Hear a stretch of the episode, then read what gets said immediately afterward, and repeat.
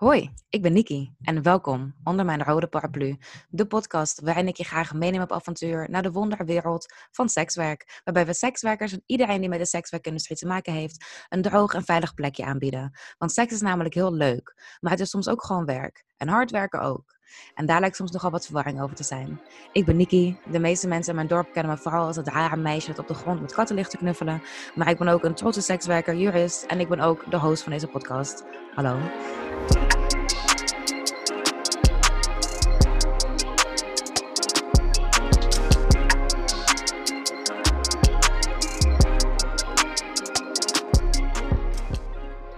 We zitten momenteel midden in de coronacrisis. We mogen misschien binnenkort weer naar buiten, maar dat weten we allemaal nog niet helemaal zeker.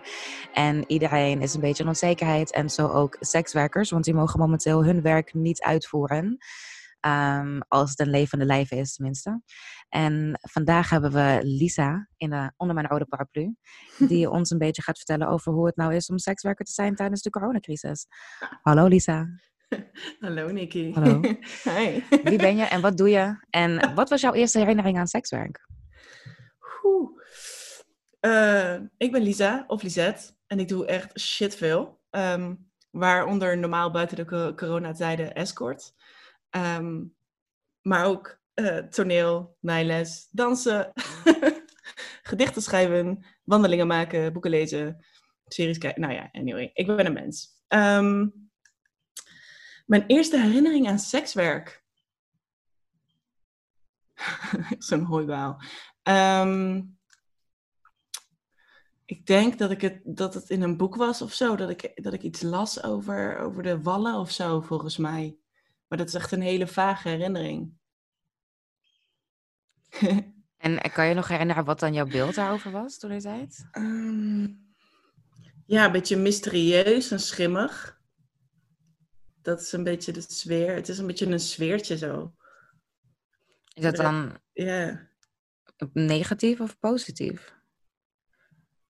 Ik vind mysterieus niet per se een negatieve connotatie Nee, maar dat was het dus ook niet. Het is altijd wel iets geweest wat me ook wel interesseerde.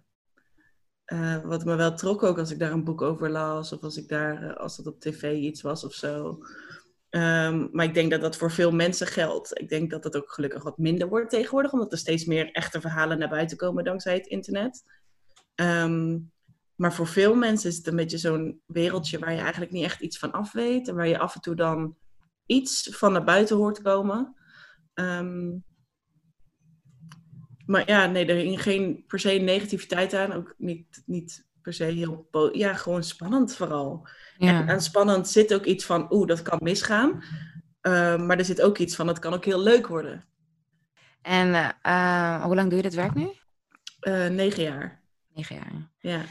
En werk je, op, op wat voor manier voer jij je werk uit? Je bent escort, zei je? Ja, ja ik ben ooit begonnen met cammen. Dat heb ik drie maanden gedaan. En toen dacht ik, nou, dit sekswerk, dat vind ik wel leuk. Dat entertainen, dat ligt me wel. Um, en toen ben ik eigenlijk gaan zoeken naar andere dingen in de branche zelf. En kwam ik uit bij Escort. Ik dacht, dat probeer ik gewoon een keer bij een escortbureau. Daar ben ik gewoon begonnen, een beetje in het diepe gesprongen gewoon. En toen ik 21 was, heb ik mijn eigen vergunning aangevraagd. Uh, eerst in samenwerking met dat bureau nog, maar ik wilde steeds meer mijn eigen visie bewerkstelligen. Uh, uiteindelijk dus een tijdje mijn eigen bureau geweest, gehad. Dus ik ben exploitant geweest. En nu werk ik zelfstandig.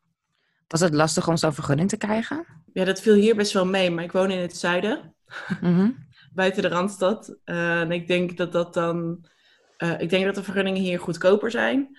En um, uh, er zijn er nog niet zo heel veel al uitgegeven. Ik denk dat bijvoorbeeld in Amsterdam en Den Haag al heel veel zijn uitgegeven en dat er ook wel een beetje een stop op zit. Um, en het is gelukkig, ja, Breda is gelukkig ook wel modern genoeg om dan wel ervoor open te staan. Um, want ik denk ook dat nog verder buiten de Randstad dat het ook moeilijk is omdat mensen dan gewoon er niet voor openstaan. Dat is hier gelukkig dan wel. Uh, dus het viel mee. Nee, je hoort ook wel vaker dat escortvergunningen som, op sommige plekken ook wel wat makkelijker zijn, omdat ze dan denken dat je dan toch het werk in andere provincies gaat uitoefenen. Dus dat je dan de gemeente zelf er niet echt mee lastig valt, zeg maar. Zo van, oké, okay, een escortvergunning en dan ga je ergens anders ga je dan het werk doen, want je gaat escorteren. Ehm, Die indruk heb, heb ik ook wel eens meegekregen. Oh, ja. Ja, ik heb ook wel eens gehoord dat, dat dan uh, bijvoorbeeld Bergen op Zoom heb ik een keer zo'n nieuwsbericht van gezien. Dat uh, uh, afgelopen jaar geen prostitutie in Bergen op Zoom plaatsgevonden. Nul prostitutie. ja, als je inderdaad geen vergunningen uitgeeft en weet je wel, nergens in de boeken geen doet, dan is er op papier geen, geen ja. prostitutie. Maar dat hoeft in het echt, weet je wel. Ik bedoel, dus dat heb ik dan ook wel gehoord, dat er dan gemeenten zijn die zeggen, ja, we, we geven gewoon geen vergunningen uit. Maar ja, dat betekent dan niet dat het niet plaatsvindt natuurlijk. Nee, ik zou het dan eigenlijk wel leuk vinden als er dan opeens honderd sekswerkers opstaan die zeggen... Nou, ik heb afgelopen maand nog in uh, Zoom gewerkt. Daar klopt helemaal niks van. Dat zou eigenlijk wel heel grappig zijn. Ja. jij, jij was dus gewoon fijn aan het werk met je, met je klanten. Hm, ik was zelfs, ik had een nieuw business, uh, ik had een nieuwe business idee. Ik heb net heel mijn website vernieuwd, vlak voor de corona. Wat was je nieuwe business idee? Wil je daar wat over vertellen? Um, ja, um, de laatste tijd, de laatste jaren ben ik me steeds meer gaan ontwikkelen naar echt uh, hele persoonlijke aandacht bij klanten. Dus echt meer kwaliteit in de date in plaats van kwantiteit. Of uh, ja, kwantiteit. En um, ben ik dus ook meer de coaching kant in gegaan, omdat ik gemerkt heb dat heel veel, dat er best wel veel mensen zijn die de kans hebben gemist om zichzelf op een sensuele manier te leren kennen, een seksuele kant te, uh, te leren kennen en te ontdekken. Um, en over het algemeen doen we dat met een partner of meerdere partners, vriendjes, vriendinnetjes die je in de puberteit hebt. En zo ontdek je wat je dan zelf lekker vindt en hoe dat je erover praat. Um, maar er zijn dus best wel veel mensen die die kans niet hebben gehad. En ik heb gemerkt dat ik het ook heel leuk vind om die mensen die kans te geven en mensen bij de hand te nemen en te laten zien wat er kan, maar ook te laten zien van hoe praat je daar dan over? Hoe, hoe zeg je wat je lekker vindt en wat je niet lekker vindt? Want ik vind het onwijs zonde dat shit veel mensen een soort van porno-scènes naspelen zonder een gevoel erbij. Ja. Uh, want het is super gaaf als je qua seksueel, weet je wel, gewoon kan laten gaan en kan zien wat daar ontstaat. En soms is het dan gewoon matige seks. En soms kan dat fantastische seks zijn. Um, maar dan moet je openstaan om dat te proberen en niet in je hoofd zitten van dit en dit en dit moet er precies gebeuren, want zo gebeurt dat in de films of dit zijn voorwaarden waar ik aan moet voldoen. Dus, um, ja, daar had ik een aanbod in gecreëerd. Uh, dus ik heb zeg maar mijn gewone escort services beperkt tot de services die ik echt heel leuk vind. Uh, dus vooral wat langere dates, meer girlfriend experiences. Uh, trio's met stelletjes vind ik ook heel erg leuk om te doen. Dus dat waren dan een soort highlights wat ik deed. En daarna had ik uh, voor mijn coaching um, ja, een surrogaatpartnerschap opgezet. Een soort pakket wat je dan boekt met een aantal afspraken waar feedbackmomenten okay. bij zitten. En ja, ja, super tof. Ik had er heel veel zin in om te kijken of er iets uit zou komen. Maar ja, ja. Ook die feedbackmomenten vind ik ook wel heel leuk. Dat je dan dus echt een soort van een soort gaat evalueren over over de ervaringen met elkaar? Ja, maar dat is, dat is eigenlijk een shit belangrijk onderdeel um, wat je doet als je verkering krijgt, zeg maar. Je, je praat wel, als het goed is, praat je daarover. Of je merkt dat je vriendje of vriendinnetje met zijn vrienden of vrienden, vriendinnetjes hebben gepraat, dat het toch niet zo goed was. Of dat, weet je, je merkt dat soort shit en je praat daarover. En dan leer je uh, dan leer je dat ontwikkelen. Want je moet daar ook die feedback in kunnen ontvangen. En wat ja. vaak wel is met sekswerk, is dat. En, en zo ben ik ook begonnen. Dat, je, dat een klant mij betaalt en ik denk die wil een bepaalde service. En daar houdt het dan bij op. Um, en dan is het dus, dan wordt het aangevuld tot wat wij denken dat de klant zou willen. Um, ja. En we doen alsof we allemaal leuk vinden wat de klant doet. Tenzij het pijn doet, dan, dan zal ik altijd aangeven van nee, dit is niet prettig, hier moet je op letten. Um, maar zo leert een klant nooit echt, echt seks te gaan hebben. En echt te kijken en echt te voelen met de ander. Ja, dus dat is iets wat ik wilde gaan exploreren. En had je wel nog de mogelijkheid gehad om dat die pakketten ook daadwerkelijk uit te voeren? Of was het, nee. je hebt het geüpload en toen mm -hmm. shit hit the fan? Mm -hmm. Ja, eigenlijk wel. en um, hoe was dat dan? Um, nou ja, mijn, mijn vriend is Italiaans en in Italië was het natuurlijk al best wel heftig aan de gang voordat het hier echt uh, losbrak.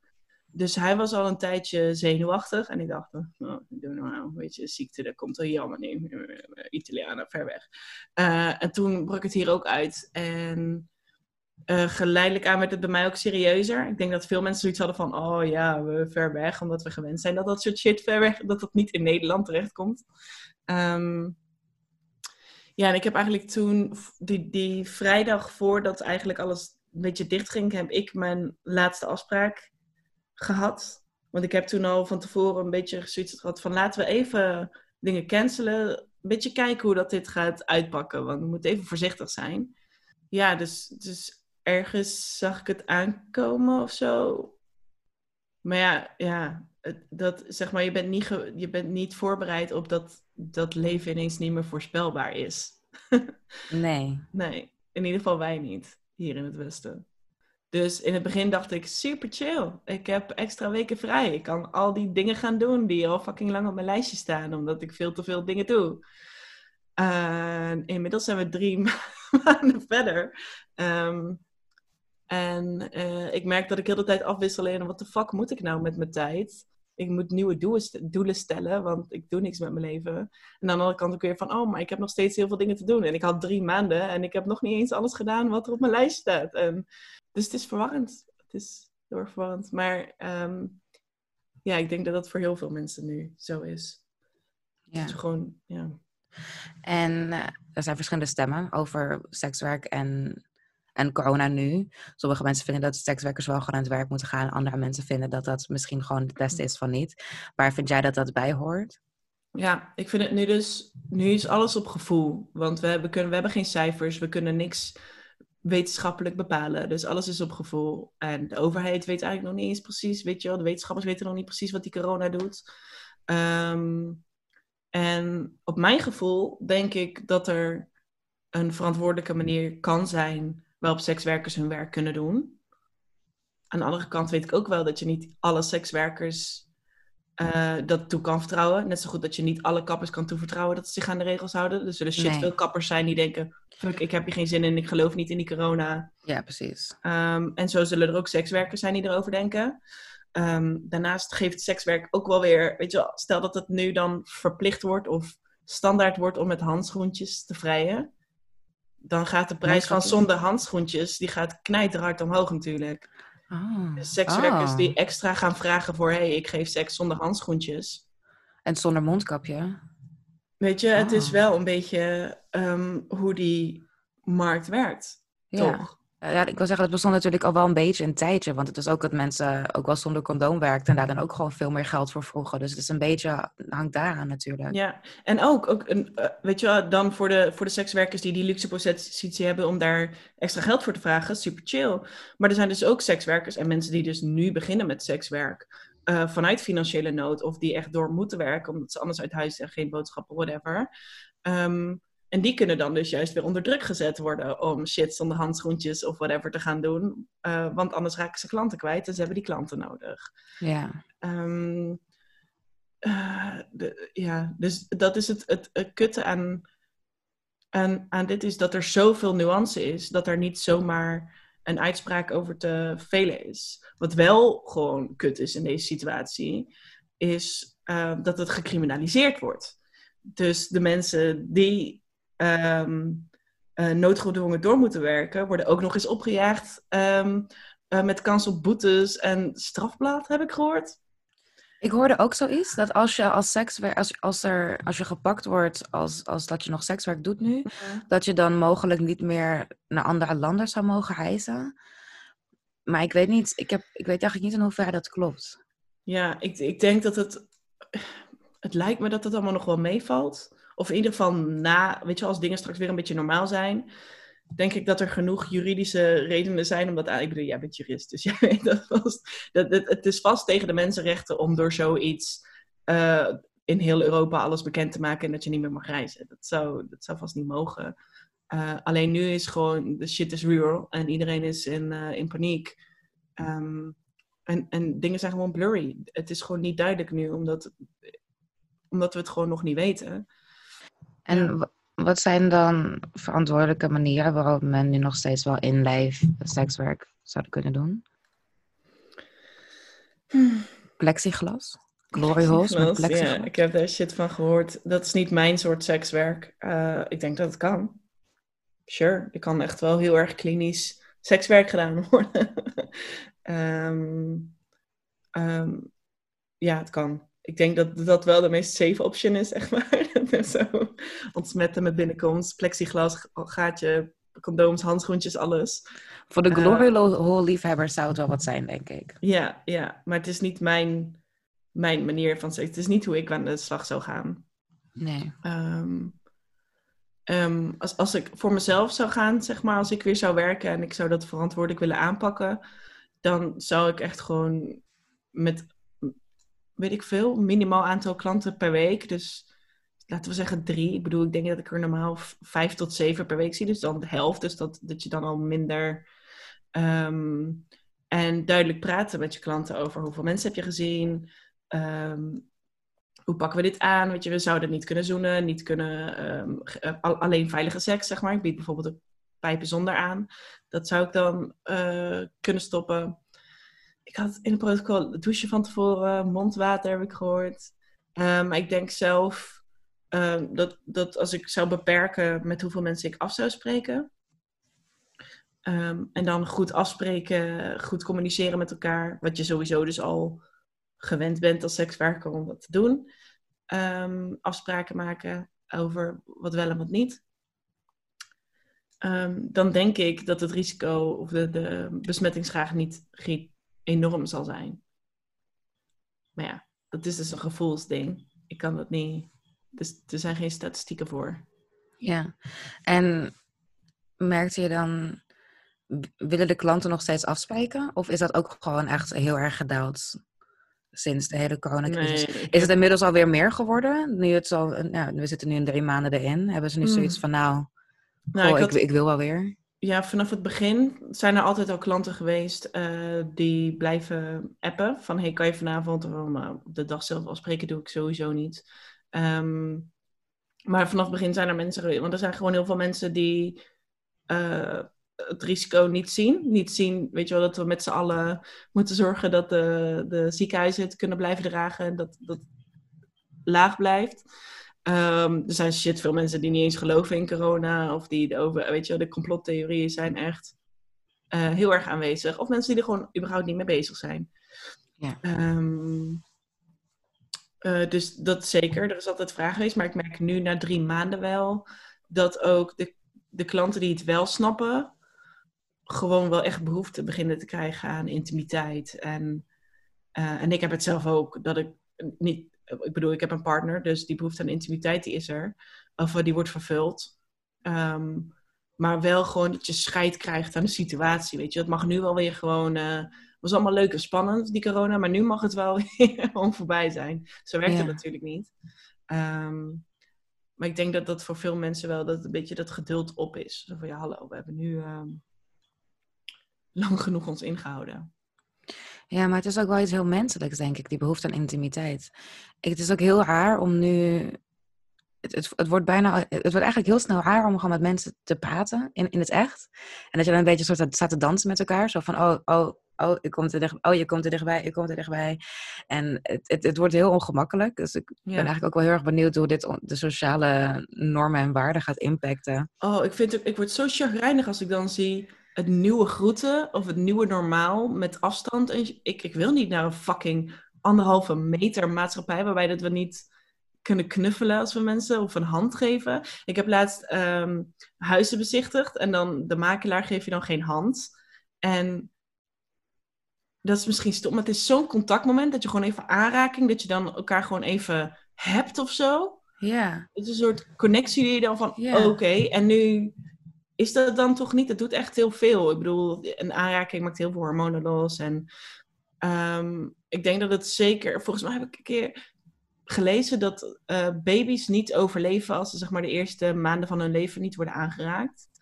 Ehm, het is echt zo'n ja, overlevingsbehoefte. En, het doet zoveel met je gemoedstoestand als je geen aanraking hebt. Ik bedoel, huidhonger is echt een ding. Ehm, uithonger, En- is dat een officiële term? ja, ja, Oh. ja. Maar ik moet zeggen, ik weet, ik bedoel, ik weet dat het er is. Eh, maar ook zeker in deze tijd is het, zeg maar, juist als mensen ehm, ervaren dat ze minder houvast hebben op hun leven, stress, angst. ehm, weet je wel, dat zijn momenten dat je juist even vastgehouden wilt worden. en je gehoord en gezien wil voelen. Zodat je weer even die basis hebt, zodat je weer vooruit kan. En dan juist nu ontbreekt dat. Dat is ehm, ja gek. Ja. Ehm, hoe is dat voor jou? Hoe is het voor mij? Nou, ik werk natuurlijk online. Ja. Dus corona begon en ik verdiende meteen veel meer geld. Dus dat was ook raar. Um, het was best wel gek eigenlijk, want je praat dus ook met mensen van over de hele wereld. Dus je hebt echt zo'n beetje in die weken die loop van hoe mensen in verschillende delen van de wereld erover denken gezien. Mm en hoe het inderdaad dus in het begin nog een beetje een soort van grapjes. En van, oh, zit al in quarantaine? En dat op een gegeven moment zijn er gewoon honderdduizend mensen dood in de wereld. En precies van, oh ja, ik weet niet zo goed meer waar we het nu over gaan hebben. En nu um, noemen men, mensen vragen het wel vaak, van hoe is, het bij, hoe is het bij jou? Dat vind ik ook wel weet, leuk eigenlijk, dat mensen ook gewoon wel benieuwd zijn om te zien hoe het in andere delen van de wereld is. Maar het is wel minder een topic geworden. En het, in het begin van corona was het wel echt dat iedereen wilde het over hebben. Ik kon er niet onderuit om het over te hebben, wat ik ook best lastig vond eigenlijk. Want ik wilde niet per se de hele dag, elke dag met iedereen praten over corona. Um, maar het voelde ook wel, ik merkte ook wel dat er juist veel meer mensen waren die dus ook bepaald contact zochten, juist weer met mensen. Omdat je dus misschien ook veel minder. Dat mensen, je mag mensen niet in het echt zien. Ik heb heel veel verjaardagen met mensen gevierd. Er zijn heel veel mensen die bij mij een verjaardag hebben gevierd. Dat vind ik ook wel ergens heel leuk. Ja. Um, denk van, we moeten toch een feestje ervan maken. Ehm, wat niet echt kon. Misschien nu een klein beetje of zo, maar ehm, en nu is het eigenlijk gewoon bijna wel weer een beetje normaal. Mensen hebben het niet echt over. Mensen hebben weer weekendplannen en die doen weer dingen. omdat ik ook vooral klanten uit Amerika heb en daar is de wereld volgens mij een stuk meer open dan hier alweer. Um, volgens mij zag ik het daar ook de gyms en dingen binnenkort ook allemaal weer open gaan.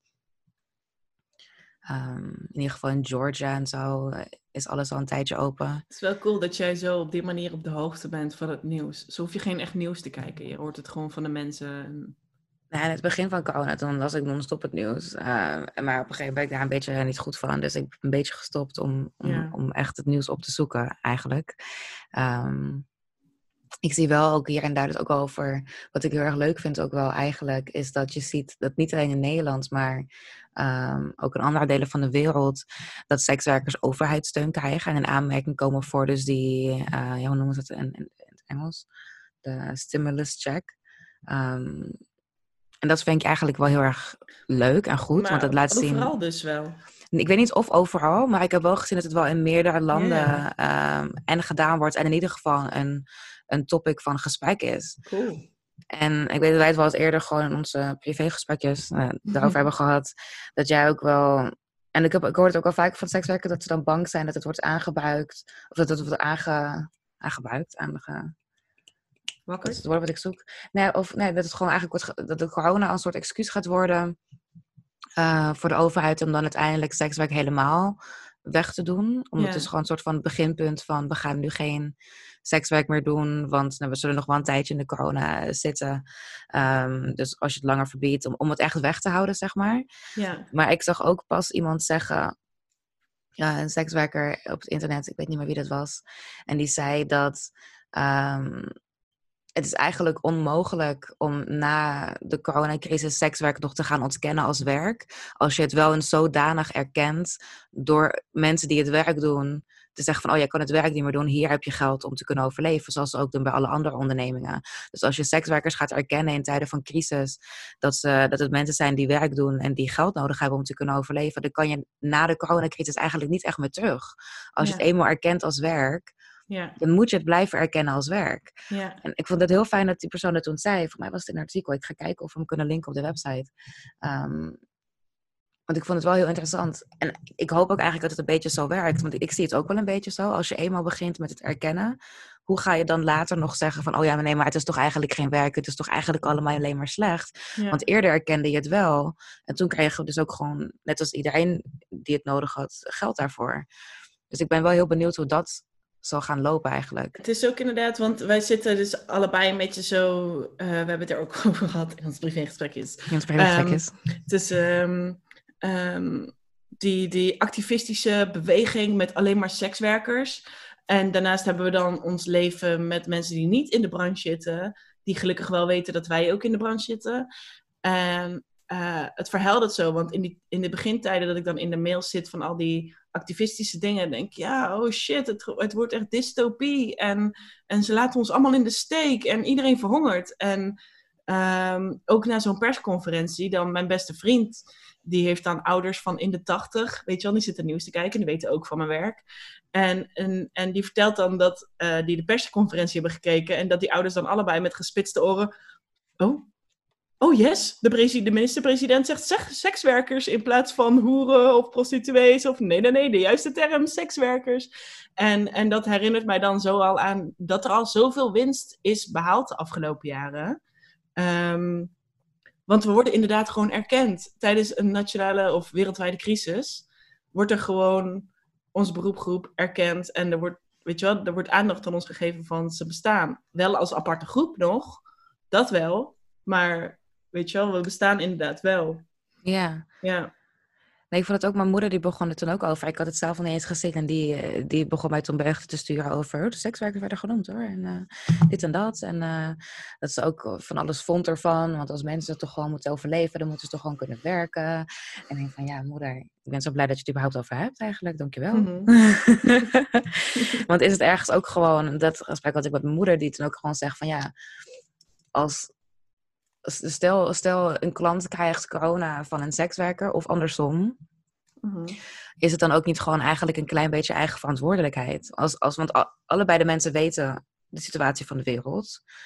Ehm, en als je dan allebei ervoor kiest om dan wel samen te zijn. En er gebeurt daar verder iets uit, is dat dan dan is het dan eigen verantwoordelijkheid. Ja, het is algemeen, weet je wel, maar dat is heel door te trekken naar de maatschappij. En het is algemeen, ja. zouden we kunnen zeggen, weet je wat, we doen geen maatregelen. Het is allemaal eigen verantwoordelijkheid. Alleen, ehm, het gaat erom, weet je wel, ik bedoel, het maakt niet uit of jij het krijgt of ik het krijg. Dat boeit, dat boeit de overheid niet. Alleen we moeten het niet allemaal tegelijk gaan krijgen, want dat is gewoon een shitshow. Ja, absoluut. Daar gaat het dan om, denk ik. Ehm, ik snap alleen, weet je wel, als je dat dan bekijkt, snap ik niet waarom sekswerk dan um, niet bij andere contactberoepen wordt gezet. Um,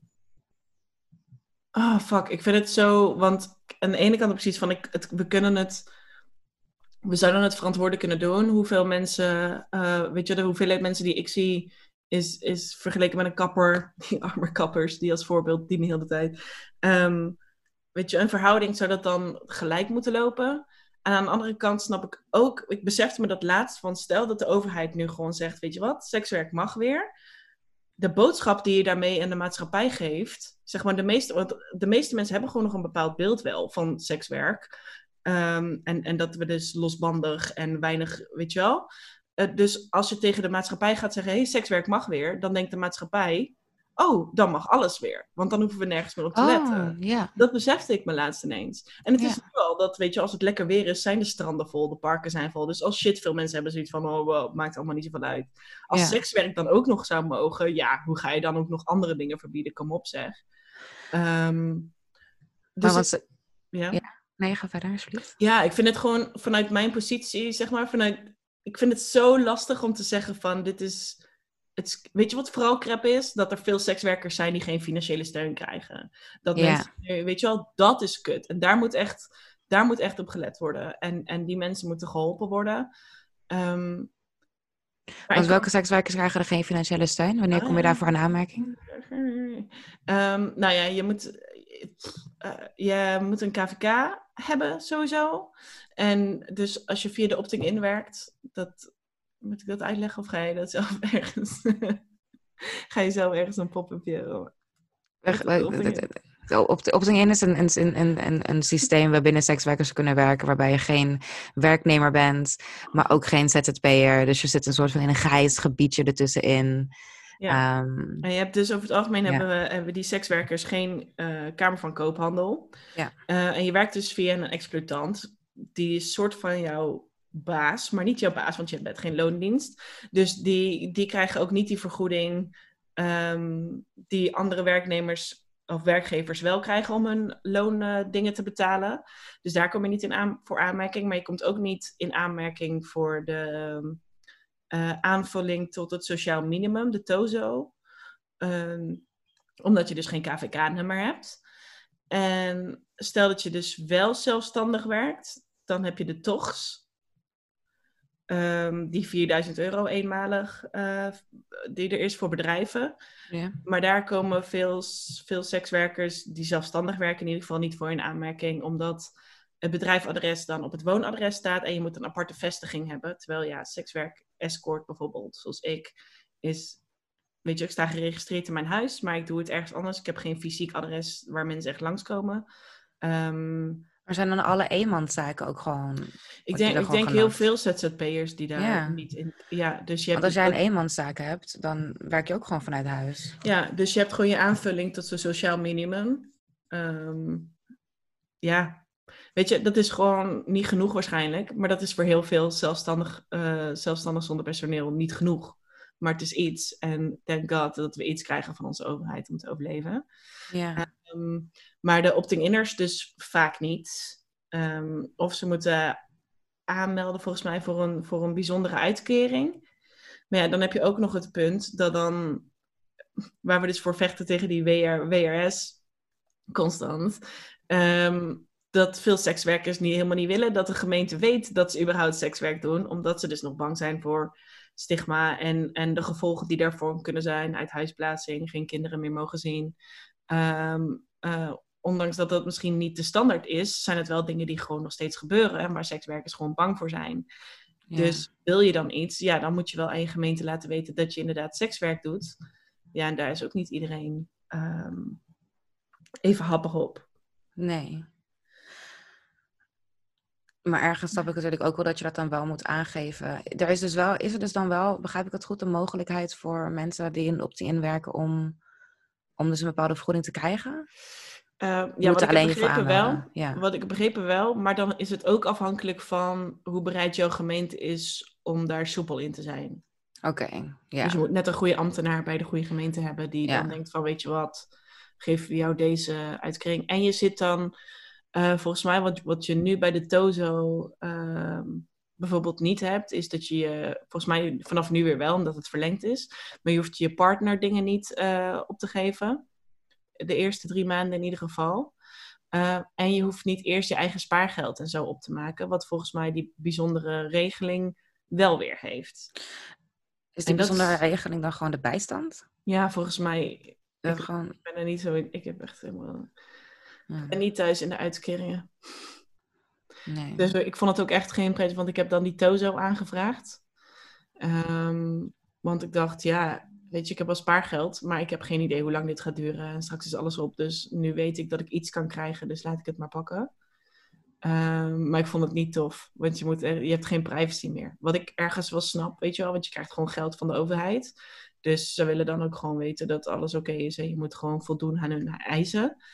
Alleen uh, voor je trots, zeg maar, voor je ego en voor je zelfwaardering is het gewoon echt niet oké okay om zulke shit aan te vragen. Ja, maar ja, dat is, dus, dat is dus wel gewoon echt hetzelfde als het alle andere ondernemers ook doen. Ja. ja Toch? Of vragen ja, ze van sekswerkers nee. meer? Nee, nee, nee. Volgens, tenminste van mij niet. Dat idee heb ik absoluut niet. Nee. Nee. Kijk, en dan is het wel gewoon natuurlijk weer... Dat als we willen dat sekswerk genormaliseerd wordt, dat we dan misschien ook wel moeten meedoen met, met, met het spelletje waar alle andere bedrijven ja. ook aan mee moeten doen. Ja. Hoe klinkt dat misschien gemeen? Ja, dat denk ik ook. Maar het is ook, weet je, je kan, het is zo'n visuele cirkel. Want je kan ook niet van sekswerkers vragen van, hey, meld je gewoon bij je gemeente. Net zoals, weet je, alsof het alle ander werk is. Terwijl dat er ja. ook nog wel risico's aan zitten die je met ander werk dan wellicht niet hebt. Um, ja, dus tenzij dat, dat helemaal volledig gegarandeerd kan worden van, oké, okay, we gaan je niet uit huis zetten. Uh, je buren gaan je niet wegpesten. Um, weet je wel, dat soort shit. Als je dat niet kan garanderen, kan je ook nog niet van alle sekswerkers vragen om zich daar dan volledig aan uh, over te geven. Ja, inderdaad. En wat kunnen we dan, wat, wat zouden we kunnen doen om ervoor te zorgen dat zo'n gemeente op een goede manier omgaat met de gegevens van sekswerkers? Is het dan gewoon weer education? Is dat gewoon weer altijd alles waar, waar alles op terugkomt? Gewoon mensen voorlichting geven en leren dat we, dat we gewoon normale mensen zijn? Ja, ja. maar ik denk dat we, ik denk dat we wat dat betreft echt wel al op de goede weg zitten. ik ben nu bijvoorbeeld onderdeel van een klankbordgroep in Tilburg, waarbij ehm, de klankbordgroep ook wel onderdeel is van een focusgroep, die uh, dan samen met de gemeente, politie, hulporganisaties en zo, dus kijkt van wat is er echt nodig. Dus er wordt daar echt naar sekswerkers geluisterd. Ja. En naar wat er dus echt plaatsvindt tijdens het werk en wat we nou echt nodig hebben. Ehm, en dat zijn allemaal van die kleine positieve... Ik weet je, echte verandering kost gewoon tijd. Er is niet van een op andere dag. En ook niet als we de wet ineens zouden veranderen. Dat het dan ineens over is. Weet je wel, bij sekswerkers moet dat besef groeien van, oh, het is veiliger. En uh, bij de gemeente en bij de overheid en bij de maatschappij moet het idee van, oh, sekswerk is werk en het kan heel divers zijn. En weet je, dat besef moet ook groeien. Ja. En ik denk dat we daar echt al best wel mee bezig zijn. Ik denk dat er zeker bij een groot deel van de jeugd nu. Um, uh, bijna iedereen is woke tegenwoordig, toch? en uh, gelukkig is daar een uh, sekswerk is daar een onderdeel van. Ja. Van dat woke zijn en daarover praten. En um, ja, dat draagt allemaal bij aan een betere toekomst. Maar dat, dat kost tijd. Gaat niet over één dag ijs. Want nu ziet het eruit uit dat sekswerk in uh, september weer van start mag gaan. Ja. Ja. En, heb, heb, je er, heb je er zin in? ja, ik moet zeggen, um, want ik ben dus de hele tijd aan het worstelen geweest met, oh, ik moet iets, ik moet gaan cammen, want het is onverantwoordelijk dat ik nu geen geld verdien. En God weet hoe lang dat dit nog duurt. En, en ik heb mezelf nu dus eigenlijk gewoon een beetje respijt gegeven. Zo van, weet je wat, we houden september als eindpunt. En tot die tijd mag je gewoon, weet je, eindelijk je boeken gaan lezen en zelf een podcast maken en klooien in huis, whatever. Um, uh, en dan kan ik weer beginnen. En nu heb ik dus ook wel weer zin om alvast afspraken in te gaan plannen en zo. Ik krijg dus ook alweer echt ook de leuke klanten uh, die me mailtjes sturen met... Oh, ik heb die surrogaatpartnerschap gezien. Of ik zou graag dit willen, langetermijn dingen en zo. Dus dat kriebelt wel weer. Alleen, uh, weet je, ik heb het nu voor mezelf zo gesteld... omdat ik gewoon een eindpunt nodig heb. Want ik werd gek van het niet weten hoe mijn toekomst eruit zou gaan zien. En dat ik geen plannen kan maken. Nee. Um, Alleen ergens ga ik er ook wel weer vanuit dat er toch nog wel een piek komt. Want um, nu begint iedereen weer en mensen raken ook een beetje discipline inderdaad kwijt. Steeds meer mensen raken discipline kwijt. Um, dus ik verwacht dat er nog een piek komt. En ja, ik durf er nog niet echt helemaal vanuit te gaan dat, dat ik echt in september mag gaan werken. Maar ik hoop het wel. Ja. En wat heb je nu dan gedaan tijdens je de laatste drie maanden? Wat voor leuke dingen heb je gedaan? op de bank gezeten en popcorn gegeten. Uh, op mijn balkon gezeten, popcorn gegeten. Nee, ja, god. Ik ben bezig uh, met een eigen podcast. Ik ben bezig met een boek. Uh, maar ook dat ligt nu eigenlijk al een maandje op zijn gat. ik ben mijn studie psychologie aan het afmaken. Ik heb laatst een tentamen gedaan voor klinische neuropsychologie. Daar hoor ik een deze dagen van, uh, volgens mij of ik geslaagd ben. Oh. En ben nu bezig met wetenschapsfilosofie. Dus ik ben allemaal filosofieboeken aan het lezen. is ook heel leuk. Um, ik ga verhuizen. Ik ga bij mijn vriend inwonen. Oh. Ja. Wat leuk. Niet, maar, maar bij mijn beste vriend. Niet oh, in, oh oké. Okay. Okay. In Zeeland. Ja, oh, ja in Zeeland, ja. Ja, dus het wordt, het wordt de zomer in Zeeland. Um, Heerlijk. Ja, totdat ik wel. Het is wel de bedoeling om een ander uh, huis te gaan vinden. Maar waar ik nu woon is gewoon te duur voor iemand die geen inkomen heeft. Ja. Uh, de fuck heb ik gedaan? het is echt heel erg. Je hebt drie maanden geen werk. Wat heb je allemaal gedaan? Uh, ja. Waar gaan je podcast en je boek over? Oh, voor mij. Schatje. Schatje. Um, nou ja, ik wil gewoon een beetje mijn verhaal vertellen over sekswerk. Ik ga in september ook beginnen met een toneelopleiding. Wat voor mij een droom is. Uh, vanaf mijn veertiende of zo. Uh, ik hou echt van toneel. En nu ga ik die opleiding doen. En ik denk dat het mijn leven en mij gaat veranderen. Dus ik wil nu mijn verhaal als sekswerker zo, zeg maar, tot nu um, naar buiten brengen. En dan is het soort afgesloten of zo. Niet, want ik wil wel sekswerk blijven doen hoor. En ik denk dat sekswerk altijd een optie voor mij blijft. Ook als ik later misschien uh, huisje, boompje, beestje heb en ik denk, wow, vakantie naar Australië zou leuk zijn met mijn gezin. Dan denk ik dat, just, ik denk dat sekswerk altijd een optie voor me blijft. Ja, een andere vorm of zo, of een, ander, een andere plek in mijn leven dan de, de afgelopen, ja, de afgelopen negen jaar was het echt voorgrond. En ik heb er periodes gehad dat ik ook dacht dat ik niemand anders was dan Lisa. Maar dat is niet zo. Dat is zeker niet zo, nee. en is het dan ook zo dat, dus eigenlijk eh, eh, door corona en dat je dus eigenlijk eventjes gedwongen eruit moest, dat dat ook eigenlijk een beetje heeft geholpen bij die realisatie dat je ook meer bent dan alleen Lisa? Nee, dat had ik ervoor al. Nee, dit kwam überhaupt omdat ik zeg maar ehm, mm, mijn wereld zelf een beetje. Ik had, ik had een wereldje met mijn ex toen. En dat was gewoon mijn wereldje. En het bestond uit thuis zijn met mijn ex. Of met mijn ex-schoonfamilie. En werken. Ehm, wat op zich. Weet je, het was niet erg of zo. Alleen het was wel een klein wereldje. Waardoor dat je dan weinig van jezelf ook leert in, in de echte grote wereld. En eigenlijk is de realisatie dat ik meer ben, zeg maar, gewoon gegroeid door keer naar Proud gaan, andere sekswerkers tegenkomen, uh, feestjes, um, waaronder met jou, feestjes. Um, ja, langzaamaan meer dingetjes gaan doen, weet je wel. Dus ook weer op toneel en een cursus hier en gewoon langzaam mijn wereld weer groter maken, waardoor dat je ontdekt dat je zelf ook wel gewoon veel meer bent. Maar wanneer kunnen mensen dan naar podcastverhalen over jouw leven als sekswerker luisteren? Waar en wanneer? Geen idee. De podcast heet uh, Professionele Lieverd. Oh, leuk. Dus die kan je sowieso uh, alvast gaan abonneren.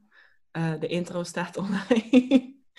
um, en ik ben van plan om binnenkort afleveringen te gaan maken. Maar ik heb gemerkt dat um, mezelf deadlines opleggen en shit, dat werkt niet. Uiteindelijk komt er dan een product uit waar ik niet blij mee ben. Um, dus ik ben van plan om eraan te werken in de komende tijd. Maar ik kan echt niet zeggen wanneer dat, dat online komt. Dus volg me vooral op social media. Uh, het lieve Lisa. Het lieve Lisa. het lieve Lisa. Op alle social media's? Uh, op Twitter en op Instagram. Maar ik ben vooral op Instagram uh, actief. Nou, jullie hebben het gehoord. Het lieve Lisa op Instagram en Twitter. De professionele lieverd op alle platform, op alle yes. podcastplatforms. Yes. Kijk, dankjewel voor het, voor het delen van, uh, van jezelf vandaag. Ja, hier bij onze podcast. Dankjewel. Mochten jullie nog vragen hebben of opmerkingen of, of, of aan Lisa, dan is dat lieve Lisa of aan ons. Dan kan het ORMP podcast op Twitter. Um, tot ziens. Tot de volgende keer.